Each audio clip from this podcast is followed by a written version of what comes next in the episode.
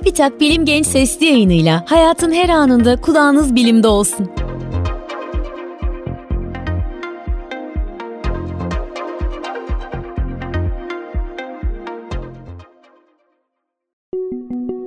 Merhaba, Bilim Genç Sesli yayınına hoş geldiniz. Ben Profesör Bahri Karaçay. Sizlere Amerika Birleşik Devletleri Iowa Üniversitesi Tıp Fakültesinden sesleniyorum. Sesli yayınımızın bu bölümünde moleküler yaşam bilimlerinde gerçekleşen çok önemli bir gelişmeden bilim insanlarının insan genleri de dahil genlerin yapısını değiştirmek amacıyla kullandıkları yeni bir teknikten bahsedeceğiz. Bildiğiniz gibi yaşayan her organizma DNA adını verdiğimiz bir genetik malzemeye sahip.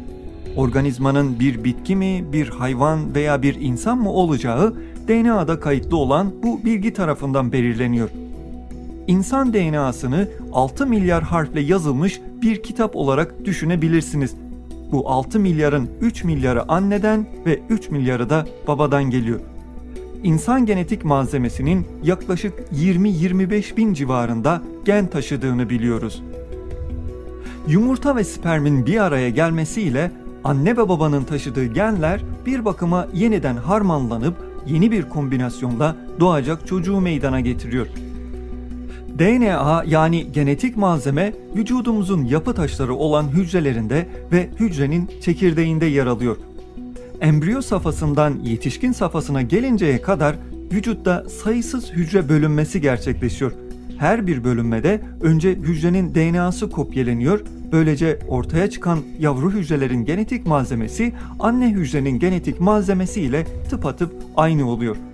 Dolayısıyla hücreler gibi DNA da sayısız kere kopyalanıyor. Çoğunlukla bu işlem yani DNA'nın kopyalanması kusursuz gerçekleşiyor ama arada bir DNA'nın yapısına yanlış bir harf yerleşebiliyor. Hücrenin hataları düzeltme mekanizması çoğu hatayı düzeltiyor ama arada bir tamir edilemeden gözden kaçanlar da oluyor. İşte bu hatalardan bazıları hastalıklara neden olabiliyor. Sayıları 6000'in üzerinde olan bu hastalıklara genetik hastalıklar adını veriyoruz. Moleküler yaşam bilimlerinde çalışan bir grup bilim insanı olarak işte bu genetik hastalıklar için gen tedavisi geliştirmeye yani DNA'da meydana gelen bu değişiklikleri düzelterek bu hastalıkları ortadan kaldırmaya çalışıyoruz. Kendi laboratuvarımızda Alexander hastalığı adıyla bilinen çoğu hastanın yaşamını kaybetmesine neden olan bir hastalık için gen tedavisi geliştirmeye çalışıyoruz.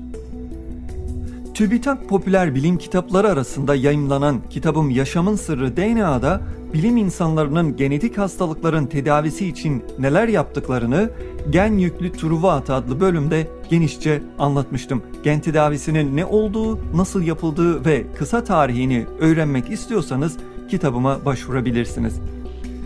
Moleküler yaşam bilimlerindeki baş döndürücü gelişmelerden biri de son birkaç yıl içerisinde gerçekleşti. Ama şimdiden bu gelişmenin hem tıp hem de ziraatte olağanüstü etkileri olacağı öngörülüyor.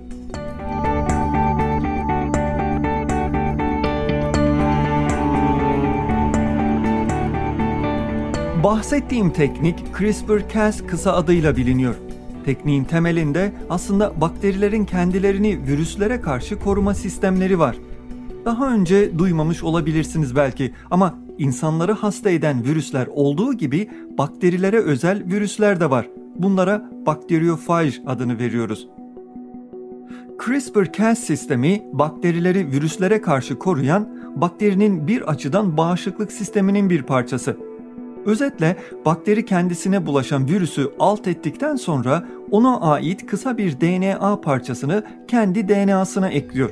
Daha sonra aynı virüsle tekrar bulaştığında kendi DNA'sındaki virüs kalıntısını kullanarak yeni giren virüsü tanıyıp onun DNA'sını keserek virüsü etkisiz hale getiriyor. Bilim insanları CRISPR-Cas sisteminin nasıl çalıştığını keşfettikten sonra onu diğer organizmaların DNA'larında arzu edilen değişiklikler yapmak için kullanmaya başladılar.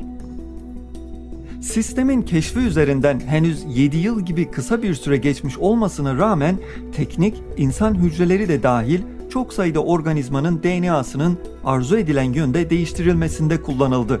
Teknoloji, genetik hastalıkların tedavisi için önemli bir potansiyel içeriyor.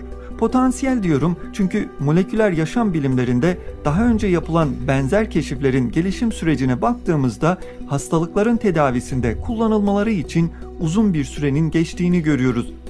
Gen tedavisi, RNAi ve kök hücre keşifleri böyle bir süreçten geçiyor. CRISPR-Cas sistemi de bu listenin bir parçası olacak. Bu teknikler ilk aşamada bilimsel çalışmaları etkiliyor. Daha önce yapılamayan çalışmalar bu teknikler sayesinde yapılabiliyor veya uzun süre alan karmaşık çalışmalar hem çok daha kolay hem de çok kısa bir sürede tamamlanabiliyor. CRISPR-Cas sistemi de moleküler yaşam araştırmalarında kullanılan çok önemli tekniklerden biri haline geldi.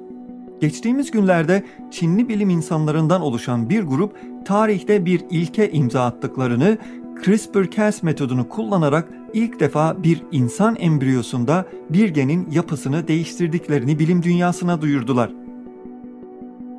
Sun Yat-sen Üniversitesi'nden Junjiu Huang liderliğindeki araştırma grubu deneylerini yöredeki in vitro fertilizasyon kliniklerinden topladıkları ve tüp bebek olarak kullanılamayacak embriyolar üzerinde gerçekleştirdiklerini açıkladılar. Tüp bebek işlemi yapılırken anneden alınan yumurta hücreleri babadan alınan sperm hücreleri ile döllenir. Fakat bazen bir yumurta hücresine birden fazla sperm girdiği de olur. İşte Çinli bilim insanları araştırmalarında bu embriyoları kullandılar. Bu embriyolar belli sayıda bölündükten sonra fazladan sperm DNA'sından dolayı bölünmeleri durur ve ölürler. Araştırma grubu CRISPR-Cas metodunu kullanarak 86 embriyoya ülkemizde de görülen beta talasemi hastalığına neden olan ve beta globin geninde bulunan bozukluğu düzeltmek üzere DNA aktardılar. 86 embriyodan 15'i ilk aşamada öldü ve araştırmaya kalan 71 ile devam edildi. Ancak beklenen düzeltme sadece 7 embriyoda gerçekleşti ki bu çok düşük bir rakam. Daha da önemlisi araştırma sonucunda metodun uygulanması sonucu sadece beta globin geninde değil, hücrenin DNA'sının değişik noktalarında da arzu edilmeyen değişikliklerin meydana gelmiş olduğu bulundu. Araştırmacılar makalelerinde tekniğin teoride çalıştığını ama arzu edilmeyen sonuçları nedeniyle insan genlerinin düzeltilmesinde şimdilik kullanılamayacağı sonucunu bildirdiler. Elbette bu sonuçlar bu konuda gelecekte yapılacak çalışmaların da başarısız olacağı anlamına gelmiyor. Belli ki tekniğin üzerinde çok daha çalışılması ve istenmeyen sonuçlarının ortadan kaldırılması gerekiyor. Ama yine de bilimsel açıdan çok önemli bir gelişme ve insan genetik hastalıklarının tedavisine bir adım daha yaklaştığımızın müjdecisi.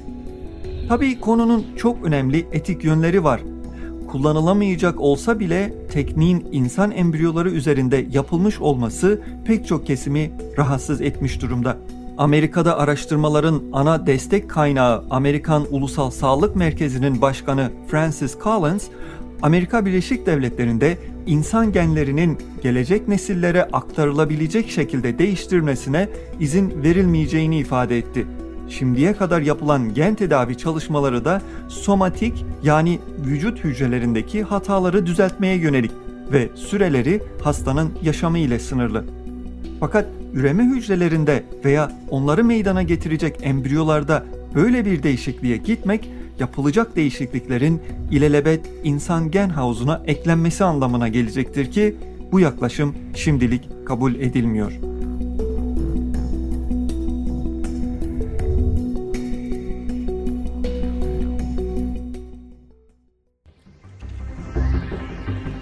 Bilim Genç sesli yayınlarını SoundCloud, Spotify, Google ve Apple Podcast kanallarımızdan takip edebilirsiniz.